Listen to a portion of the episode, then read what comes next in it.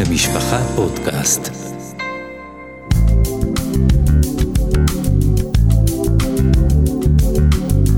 הכוח הפנימי, מדריך מעשי להתפתחות אישית עם הדוקטור עוז מרטין. שלום לכולם וברוכים הבאים לפודקאסט הכוח הפנימי, מדריך מעשי להתפתחות אישית. כאן דוקטור עוז מרטין. כאשר אנחנו מנסים להבין את הכוחות שפועלים בתוכנו, אנחנו צריכים להבין שלמעשה יש לנו יכולות מופלאות. אבל יחד עם זאת, האמת היא שיש לנו מציאות של מחסור. בכל מקום אנחנו רואים אנשים סובלים, אנשים טרודים, שדבר מה מציק להם.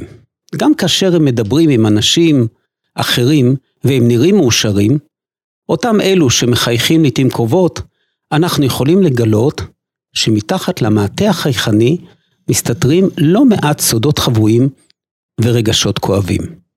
כדי לנסות להבין איך אפשר להקל, ואולי גם להיפטר מהכאבים ומהרגשת האומללות שלנו, נצטרך לבדוק תחילה מהו ההבדל העמוק והפנימי בין המושגים כאב ואומללות.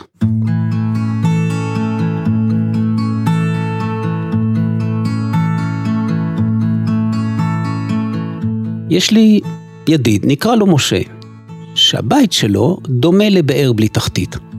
אם ביקרתי אצלו ובמקרה שכחתי אצלו חפץ כלשהו, אני אפילו לא מקווה שהחפץ ישוב אליי ביום מן הימים. פשוט הבלגן בביתו גדול עד כדי כך שאין סיכוי שהחפץ האבוד יימצא אי פעם. אבל למרות שאני נוטה לפדנטיות ובבית שלי אקפיד מאוד על הסדר ועל הניקיון, נעים ונוח לי בבית של משה, ואני מוכן לפלס את דרכי בתוך ים של צעצועים, ילקוטים וכביסה לא מקופלת, כדי לשבת איתו לשיחה מעמיקה ולשמוע את הרהוריו ואת תובנותיו העמוקות. לעומת זאת יש לי ידיד אחר, שבבית שלו, מה שאתם יכולים לראות זה שילוב יוצא דופן של בית מרקחת ומוזיאון. למרות שהמשפחה ברוכת ילדים, הבית שלו נראה כבית מרגוע מסודר ומטופח, אבל יחד עם זאת, בכל פעם שהזדמן לי לבקר אותו, היה הביקור מלווה בצלילים צורמניים. בפעם האחרונה זה היה בגלל שאשתו שכחה לקנות חלב. הידיד העמוק והאינטליגנטי שלי היה ממש שבור מכך שלא הייתה לו אפשרות להכין לי נס קפה. אמרתי לה פעמיים הבוקר שתקנה חלב, והיא תמיד שוכחת. איך אפשר לנהל ככה חיים נורמליים? שאל אותי. ההשוואה בין שני הידידים שלי עזרה לי להגדיר ולהבין את מקורה של האומללות תוצרת בית. למה הידיד השני שלי אינו שמח בכל הטוב שיש לו? ולמה הידיד הראשון שמח למרות כל מה שאין לו? חוויית הסבל נגרמת לנו בעיקר בשל תחושת מחסור שבאה בעקבות משאלות לב ורצונות שלא התממשו. אני רוצה עכשיו להיות אהוב, בריא או עשיר. וכאשר אני מסתכל על המציאות בה אני חי, אני רואה שאין מענה מלא לציפיותיי. זוהי מציאות של מחסור, שמהווה רקע לסיפורי חיים רבים ששמעתי. להיות שמח בחלקי זה מצב נפשי של איזון בין הרצוי למצוי.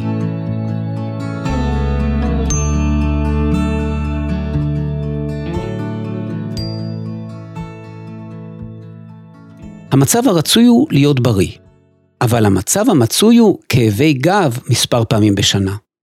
הרצוי הוא שנת לילה מלאה, והמצוי הוא השכמה באמצע הלילה לטפל בתינוק רעב, בילדים שחלמו חלומות מפחידים, או בגלל רעש האוטובוסים שעוברים מתחת לחלוני.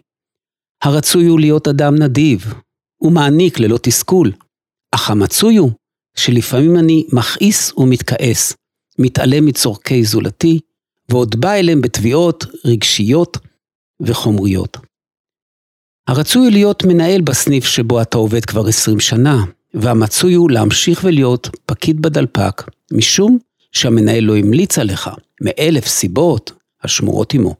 הרצוי הוא יחסי שכנים נעימים, ואילו המצוי הוא כעסים והתעלמות הדדית. אנחנו מצפים תמיד לרגע בו תשתנה המציאות ותתאים את עצמה לרצונות שלנו. אולם נראה שאם אנחנו רוצים להיות באמת מאושרים, כדאי שנלמד לשנות את הרצון שלנו ולהתאים אותו למציאות הסובבת אותנו. דוגמה לבעיית ההכרח להגיע לאיזון בין הרצוי למצוי, מצאתי במכתב של אישה חכמה בת 45, בעלת עמדה חברתית חשובה ואם לשישה, שעשתה עבודה מדהימה באמצעותה, היא נפטרה מחוויות ילדות קשות של חוסר הערכה עצמית.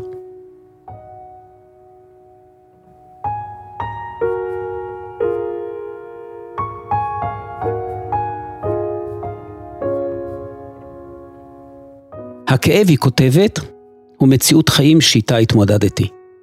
עד שלאחרונה גיליתי משהו שלא ידעתי לפני הפגישות איתך. אז זהו, יש לי הרגלים.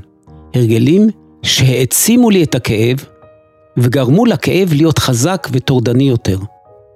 אני מאמינה שההצלחה שלי לשנות את ההרגלים הללו הפכה את חיי לטובים הרבה יותר. אחד מהם הוא ההרגל שהיה לי לחשוב על דברים מסוימים שגרמו לי להרגיש כאב. כמו למשל, המחשבה על הבת הבכורה שלי, גילה, ועל כך שהקשר בינינו מושתת כמעט רק על העשייה שלי. מה שאני עושה קיים. כשלא יזמתי, לא התקשרתי ולא יצרתי קשר, גילה לא עשתה את זה במקומי. ואני כל כך רציתי שזה יהיה אחרת. המחשבה על כך שחזרה ונשנתה כל הזמן, הקטינה אותי וגרמה לכאב לגדול ולהתעצם. כשהתחלתי לשים לב לכך שזה בעצם הרגל חשיבתי, ועמדתי על המשמר, תפסתי שהייתי אומללה כל כך, משום שחזרתי על הדפוס הקבוע של המחשבה בלי להיות מודעת לכך. כשהפסקתי לעשות זאת, הכאב הלך וקטן, והאש הלכה ודעכה.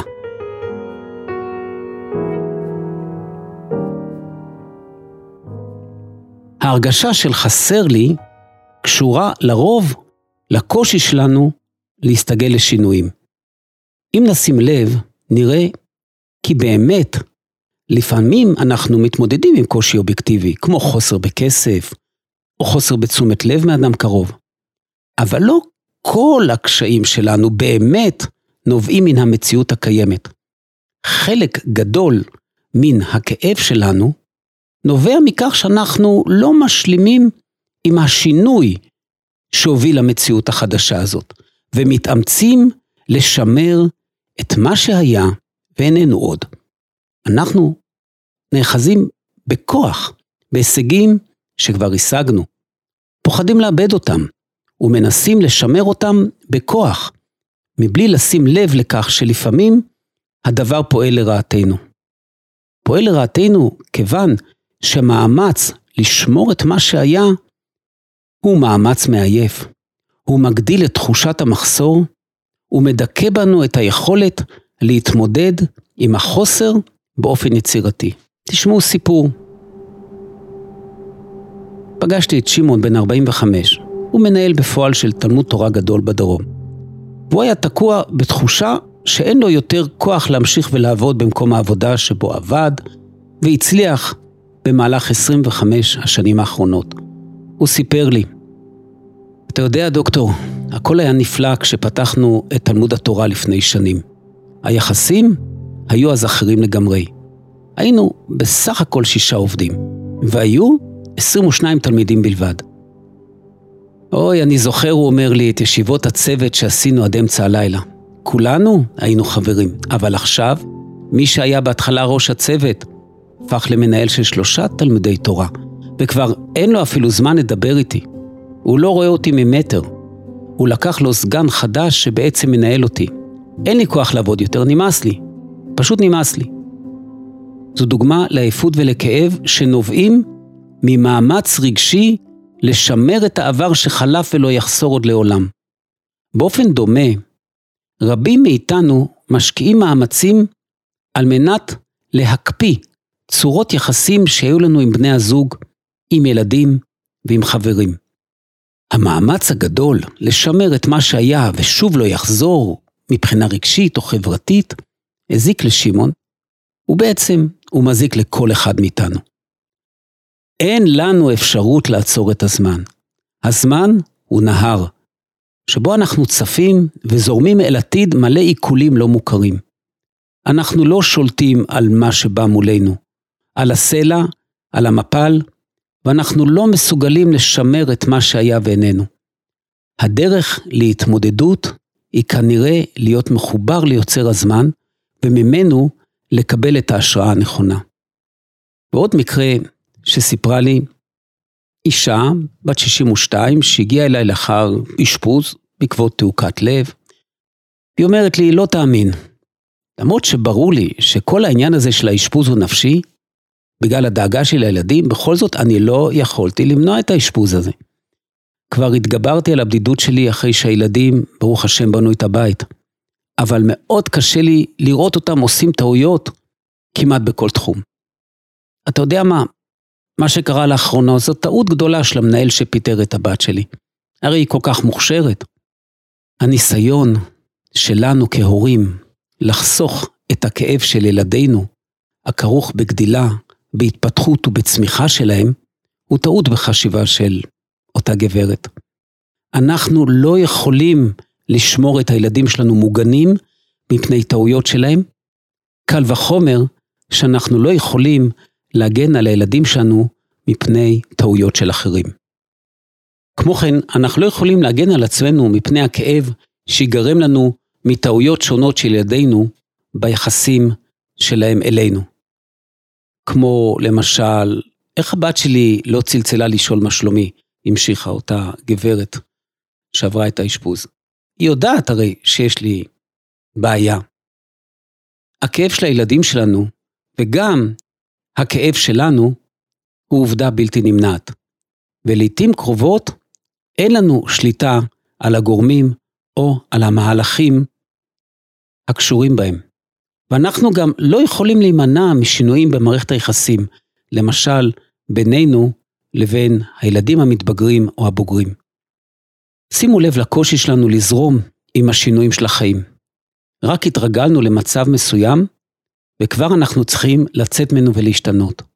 רק התרגלנו לגן הילדים, וכבר אנחנו מוזמנים ומזומנים להתמודד עם קשיי בית הספר. רק נהנינו מעוצמת התמיכה של הורינו, וכבר אנחנו חווים את הקושי לקבל את הזדקנותם. קשה לנו להשאיר מהעובדה שבגלל השינוי המתמיד של החיים, נחווה באופן קבוע אי נוחות. אי נוחות הנובעת משינוי במצב שנראה כל כך יציב בעבר, והפך, בלי שליטה וללא הודעה מוקדמת, למאיים ולא מוכר. הכאב שנובע מעצם מסע החיים בתוך נהר הזמן, מעיק מאוד על חיי הנפש שלנו, מהסיבה הפשוטה שלא מלמדים אותנו כבר בגיל צעיר איך לאזן את חיי הנפש שלנו על כל הכוחות שמרכיבים אותה ולהכשיר אותה לפגישה עם המציאות. לעתים קרובות, הנחות היסוד שלנו לגבי החיים לא עומדות במבחן המציאות המשתנה. הסבל המתמיד שמלווה אותנו נובע מתפיסות קבועות ומוטעות שמונעות מאיתנו את ראיית העולם בצורה מאוזנת. אחת מאותן הנחות מוטעות אומרת שאנחנו חייבים, ממש חייבים להרגיש טוב.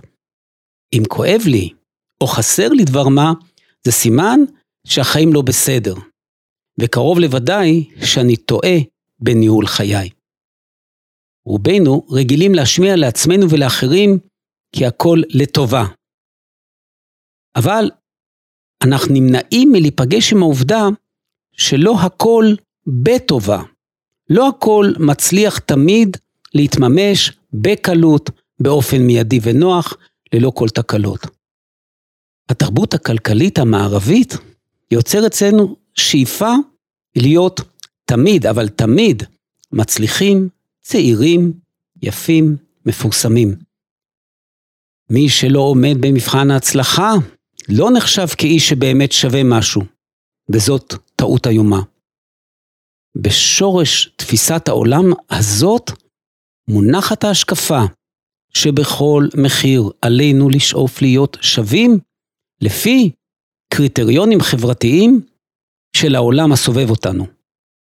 הדעה השלטת ברחוב היא שנכון וראוי להקדיש את כל הכוחות שלנו ואת כל המשאבים שלנו לרכישה ואיסוף כפייתי אינסופי של מוצרים מסחריים כמו מוצרי בריאות, מסלולי לימוד, תארי כבוד, סמלי מעמד, כמו מכוניות ומותגים, מוצרים מסחריים שמאפשרים לנו לכאורה להיות מוצלחים, חכמים, יפים, חשובים ומפורסמים. בעיני עצמנו ובעיני האנשים הקרובים לנו, רק כך נהיה מוצלחים. מאותה סיבה בדיוק מנסה התרבות המערבית בכל דרך להרחיק אותנו מפגישה עם אלמנטים מבהילים, כמו נכות, חולשה, מחלה, זקנה, עוני, מוות. לפי התפיסה הזו, אסור לך בשום פנים ואופן להיות חלש, נכה או זקן, עני או מוגבל ביכולת כלשהי. אם אתה חזק, מפורסם, חכם, עשיר, ממשפחה נכונה, ממוצא נכון ומקובל בחברה, אתה קיים יותר. אתה מקבל אישור לקיומך יותר מאשר איזשהו אחר שלא זכה בתכונות המוערכות בחברה, שעובדת בכל כוחה את אלילי הכוח שלה, בעזרתה האדיבה והצמודה של המדיה על כל ערוציה. תפיסה זו לא מקרית, היא נועדה כדי ליצור אצל האדם, כן, אצלי, אצלך, הכרח גמור לרכוש את כל המוצרים התרבותיים, הטכנולוגיים והאופנתיים שיסייעו לך להתרחק מאחד מן המצבים המפחידים כגון נכות, חולשה, מחלה, זקנה ועוני. האם אכן אנחנו חברה שמצליחה להתעלות מעל תפיסות הרחוב? הרחוב שאחוז חרדה מפני כל עניין עליו אין לנו יכולת לשלוט, ובפרט מפני זקנה, נכות, חידלון, מכל סוג שהוא? נראה לי שהתשובה היא לא כל כך פשוטה. התבוננות מעמיקה תגלה לנו כי גם אנחנו נוטים להאמין לאשליות המודרניות ולהשתמש בהם ככלים להגנה מפני כאב, סבל, בדידות, פחד. השימוש שהולך וגדל בחומרי הרגעה, בוויטמינים ובסדנאות שונות, מעיד כי החוסן האמוני שלנו הולך וקטן. במילים אחרות, אנחנו מתקשים להיבדל מן החברה המערבית החומרנית, ולחיות בפשטות חיים שיש בהם מנוחת נפש ואיזון פנימי. ולכן גם אנחנו מצטרפים אל מיליוני מיליוני האנשים שסובלים מן התוצאות של פולחן הכוח והחיצוניות. אנחנו סובלים ממחסור שהוא ביסודו מחסור מדומה. לא מדובר בחיסרון אמיתי כמו חסר לי אמצעי תחבורה להגיע לעבודתי, אלא בחיסרון מדומה. אם אני לא בתפקיד חשוב בחברה בה אני חי, אם אין לי רכב יפה, בגד ממותג, או אם ילדיי אינם לומדים במקום מכובד, אני שווה פחות. כך קורה שבנוסף למצבים כואבים ולחיסרון אמיתי שקיים בחיינו, חוסר כסף, חוסר ידע, בריאות, חברה או מעמד לא מספקים, מציקה לנו גם הרגשת ההכרח להשתלב בכל מחיר בדימוי השקרי שהחברה יצרה עבורנו, ושאי אפשר להימלט ממנו. על פי דימוי שקרי זה, עליי לעמוד בקריטריונים חיצוניים קבועים מראש, על מנת להיות תמיד, אבל תמיד, האדם החכם, המכובד, המאושר, היפה והחזק. דימוי הזה סותר לעתים קרובות את הרצון שלי להיות אמיתי, אותנטי, ובעל זכות לחיים נעימים, פשוטים ואמיתיים. כתב לי גבר בן 35.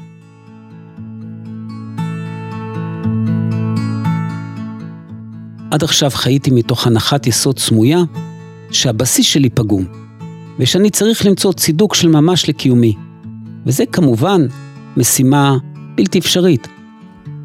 איך אדם יכול למצוא צידוק לקיומו? בפגישות איתך התחזקה בי ההכרה שההפך הוא נכון.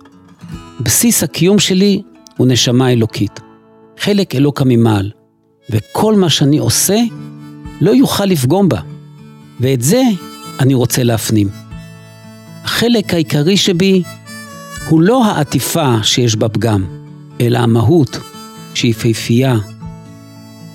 במקום העמוק שבו אני יותר מסך התכונות שלי, שם יש לי מתנה אלוקית, את הנשמה שהיא כלי אדיר.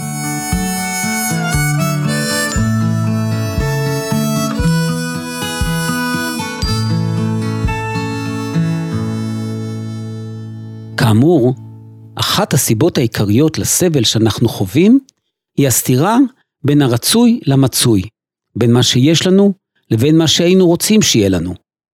איך מתמודדים עם הסתירה הזו שיוצרת לנו קשיים כל כך גדולים ופיתולים ברגש ובמחשבה, סתירה שגובה מאיתנו מחיר כה כבד.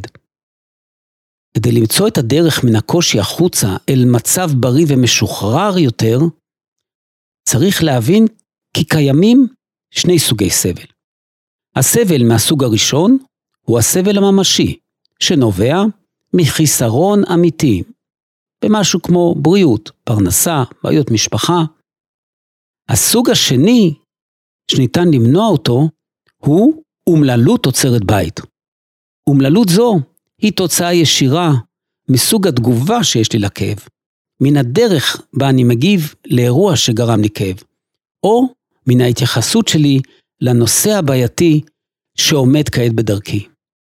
כאשר נצליח להפריד היטב בין הדברים, נוכל להשתחרר ממעגל סגור, שהולך ופועל במהירות הולכת וגוברת, שגורם לנו הרבה מצוקות פנימיות.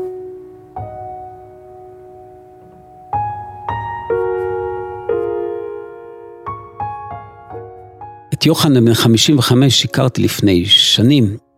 הוא בא אליי, הוא התחיל להרגיש שהוא לא רוצה להמשיך בתפקיד שלו כרב בבית הכנסת. בית כנסת שקיבל בירושה מאביו. הוא אמר לי, תמיד הסבירו לי שהחיים הם מאבק שחייבים להצליח בו. אבל אף פעם לא לימדו אותי איך להתמודד עם תחושת כישלון. אני לא מסוגל להשלים מהתחושה שבזבזתי את חיי בניסיון להיות גדול בתורה ומפורסם, ונתקעתי בתור רב קטן בבית כנסת גדול. אחד מתוך רבים שיש בעיר שלי. יוחנן מרגיש תקוע. הוא רצה להיות גדול בתורה. הוא רצה חשיבות ברמה שלא קיבל אותה. האם יוחנן יכול היה להרגיש אחרת?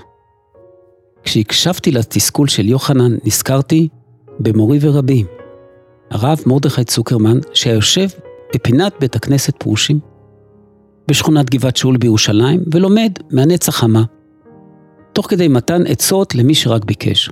הוא לא חיפש תפקידים, לא הגדרות ולא משרות. הוא היה פשוט עצמו, אמיתי עמוק. אדם שחווה קשר מתמיד עם בורא עולם, הוא לא שאף להיות מפורסם בזכות תורתו, הוא היה מגנט לרבים בגלל פשטותו, וזו הייתה גדולתו.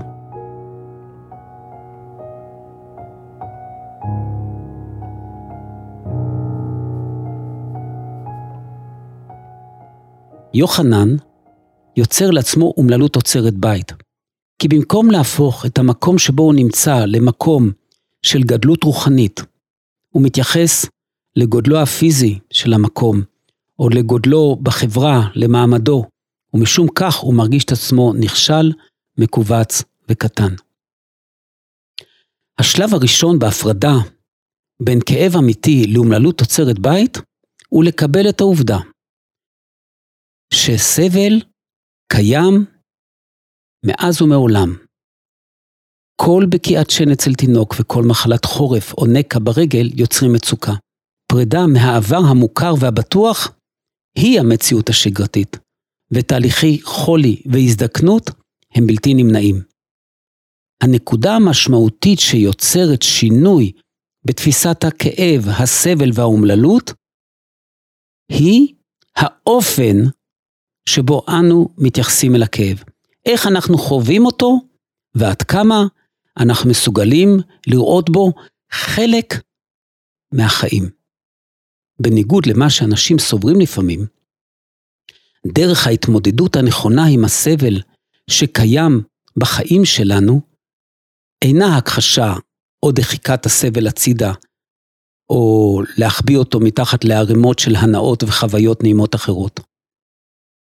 וזאת הנקודה, כדי לחיות חיים מלאים ומספקים, צריך להכיר בסבל ולנהל איתו יחסים בהם הוא מוכר וקיים.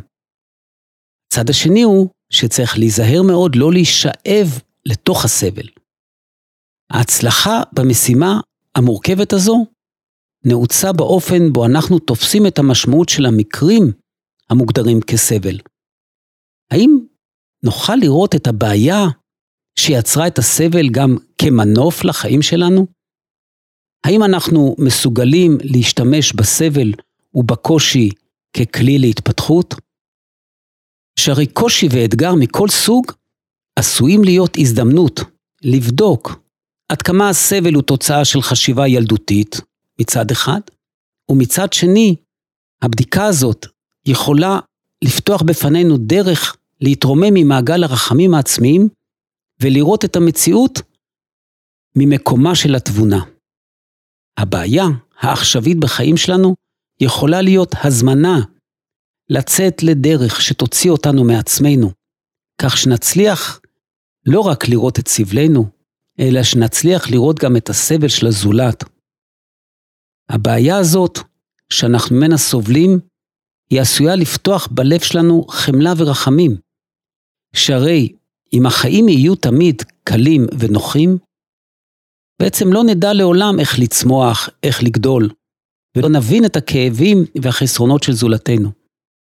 איך בעצם נבין את הסבל של אחרים שסביבנו, אם לא נחווה את הסבל בעצמנו?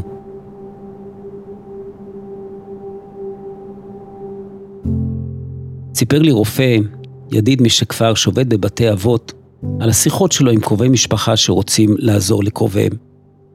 אבל חלק גדול מהם מרגישים בעצמם, בפנים, רק רצון לברוח על נפשם ולהתרחק מהסובלים במחלקות הגריאטריה בבתי החולים ובמחלקות התשושים.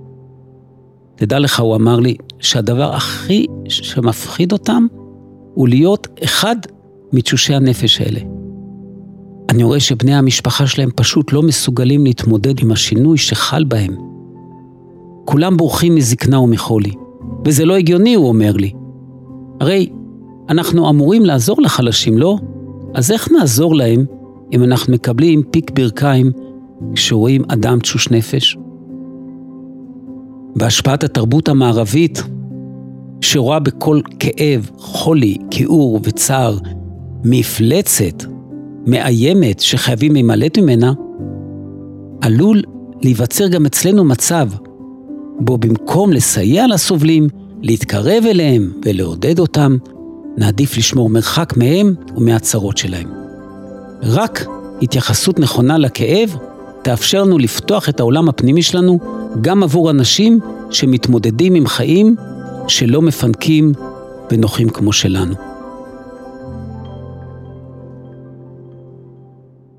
מדוע רובנו נוטים להעצים את הסבל והכאב שלנו? בטח שאלתם לעצמכם, ולפעמים אפילו להגדיל אותו מעבר לכל פרופורציה.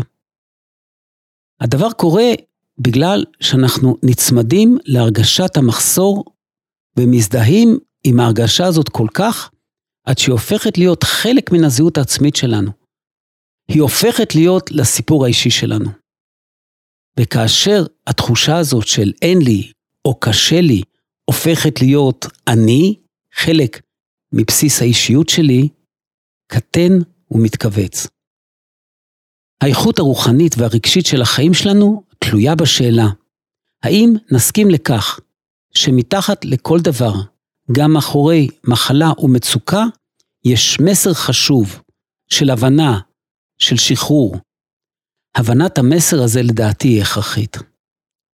אנחנו אמורים לראות בהופעת המציאות הלא רצויה חלק מהתוכנית של בורא עולם, וכך להפוך כל ברוך לברכה.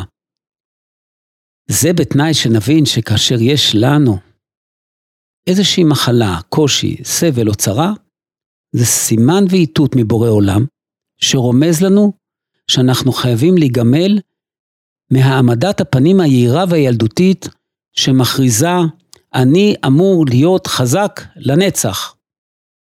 ובמקום זה להתחיל לפתח את אישיותנו באופן רוחני ואמיתי. ברגע שנלמד את השיעור, ולא נחווה את החיים כברוך, ולא נהפוך את הקושי לתווית הזיהוי לעצמנו או לסיפור האישי שלנו, גם המצוקה הנובעת מהקושי תקטן משמעותית.